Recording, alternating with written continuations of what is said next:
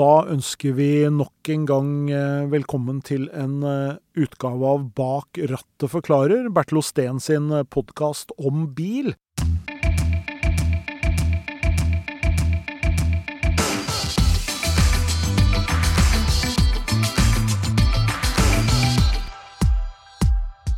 Og i denne forklarerepisoden her så tenkte vi at vi skulle hjelpe deg som eh, kanskje lurer på å kjøpe en ny bil, eh, med å navigere litt i et ganske sånn uoversiktlig eh, miljø når det kommer til bilklasser, bilsegmenter, det snakker man jo ofte om.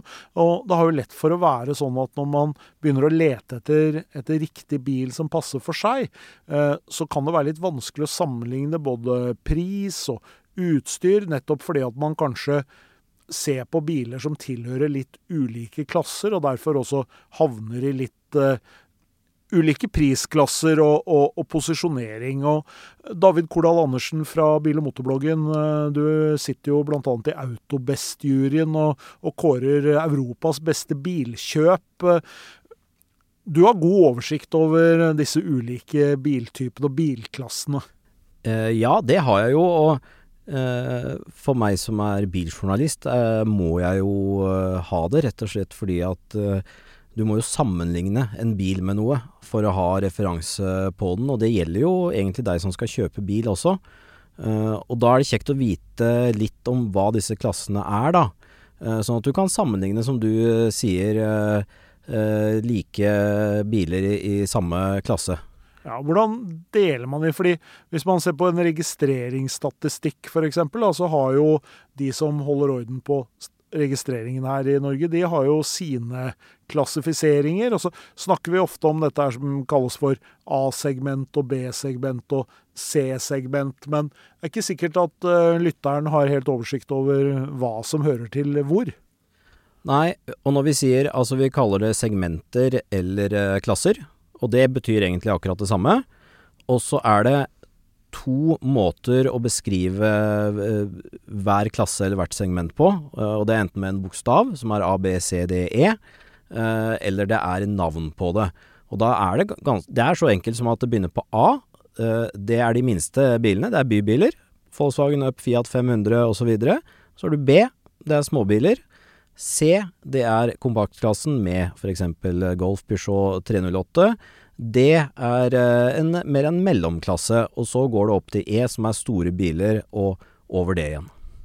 Ja, og hvis man eh, skal begynne å se på disse klassene, så, så er jo én ting å, å definere størrelsen på bilen, det er jo det ene.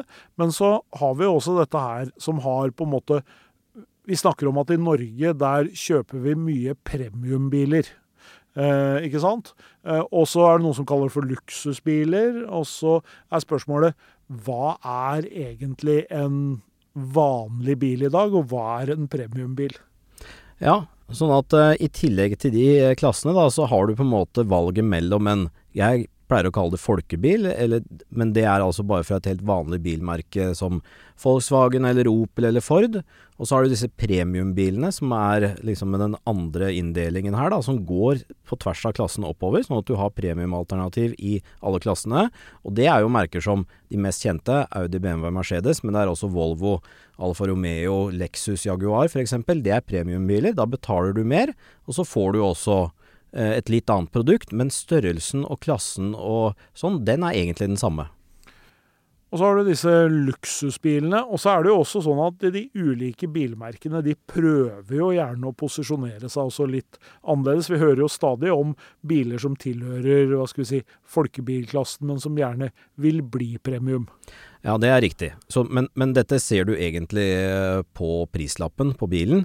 Uh, og Forskjellen på uh, folkebiler og premiumbiler er jo gjerne også at du får veldig mye utstyr fra de tradisjonelle folkemerkene, mens uh, på premiumbiler må du, i tillegg til at bilen er dyrere å kjøpe, er også utstyret mye dyrere.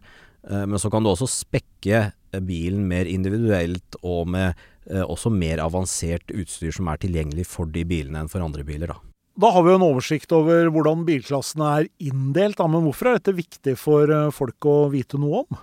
Det er jo fordi at når du skal uh, kjøpe en bil, det er jo en uh, stor investering, og så har du kanskje sett deg ut en eller annen du har lyst til som du har lest om eller sett på gata eller et eller annet, og så får du et tilbud på den, går på hjemmesida til det bilmerket og bygger en bil eller et eller annet, så vil du jo gjerne vite mest mulig om den bilen og også forstå hva det er og hvilke alternativer du har. og da er det lurt å uh, også forstå hvilken klasse det er, så du kan se hvilke andre konkurrenter du skal kikke på for å kunne sammenligne bilen du har lyst på. Men er det bare, hva skal vi si, vi snakker om små, mellomstore og, og, og store biler. Er det bare lengden på bilen som styrer dette her, eller er det andre parametere også? Det er også andre parametere, og det er ganske viktig å få med seg at Eh, det er, det er, ikke bare størrelse, men det er også teknologi og sikkerhet og masse annet også som følger disse bilsegmentene. Sånn at en, en mellomklassebil da, i det segmentet, den har f.eks. langt mer uh, avansert teknologi og mekanikk i hjuloppheng, og den har bedre kanskje kollisjonssikkerhet. Den, mer, den er mer påkosta, Det er også en del av det som gjør en større bil dyrere enn en mindre en.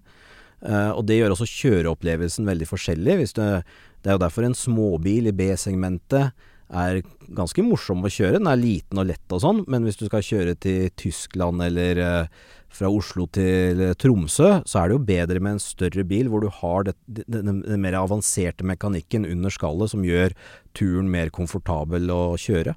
Det som jo kanskje mange bilkjøpere ikke tenker på, men som ofte definerer både hvor mye plass du får, og også selvfølgelig kjøreegenskaper på bilen, det er jo dette med aksjeavstand.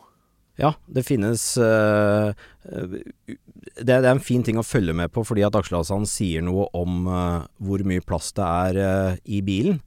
men samtidig er det viktig å tenke på hvis du, hvis du, lærer deg litt om disse segmentene, og hvilket segment den bilen du kikker på tilhører, så er det en smart greie å følge med på uh, dette med crossover og SUV-er. For de er jo så populære om dagen, og det vet uh, bilprodusentene å ta seg litt betalt for.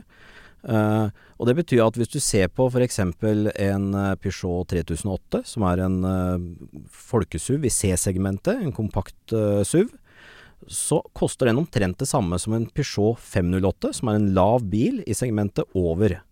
Og det betyr jo da at uh, hvis du kan leve med å ikke sitte høyt i, og kjøre rundt i en SUV, så kan du altså få en Peugeot 508 som er en langt mer avansert bil med mer påkosta kjøreegenskaper, komfort og langturegenskaper uh, for samme prisen. Og så har man jo i veldig mange år snakket om dette med plattformer eh, for biler. Eh, Volkswagen var vel kanskje de første som liksom virkelig standardiserte Altså plattformer har jo eksistert langt tilbake, men eh, hvor man reduserte antallet plattformer til relativt få. Da, så bygger man mange bilmodeller på det. Og Det har vi jo snakket om i en podkast tidligere også. Dette er med at uh, mens vi før kanskje bare hadde sedan og stasjonsvogn, uh, så har vi plutselig fått veldig mange varianter. Og det, uh, det er jo også et, hva skal vi si, et et resultat av denne plattformteknologien. Og den gir jo veldig mye muligheter, eh, fordi at du kan jo bygge en bil på samme plattform som er i forskjellige segmenter, eller har ulik aksjeavstand. Altså, det er mange muligheter der nå. Ja, helt klart. Det finnes uh, uendelige valgmuligheter også med, med, elbilene, som i enda større grad enn de tradisjonelle fossilbilene uh, kanskje deler eh, plattformer. Så kan produsenten skape masse ulike versjoner, da.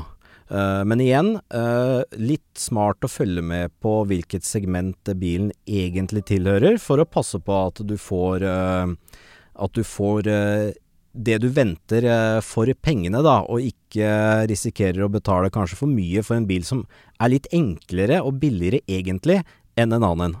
Ja, fordi at du betaler litt fordi det er en populær biltype, rett og slett, mer enn eh, akkurat det du får igjen i form av utstyr og plass og kjørekomfort, kanskje.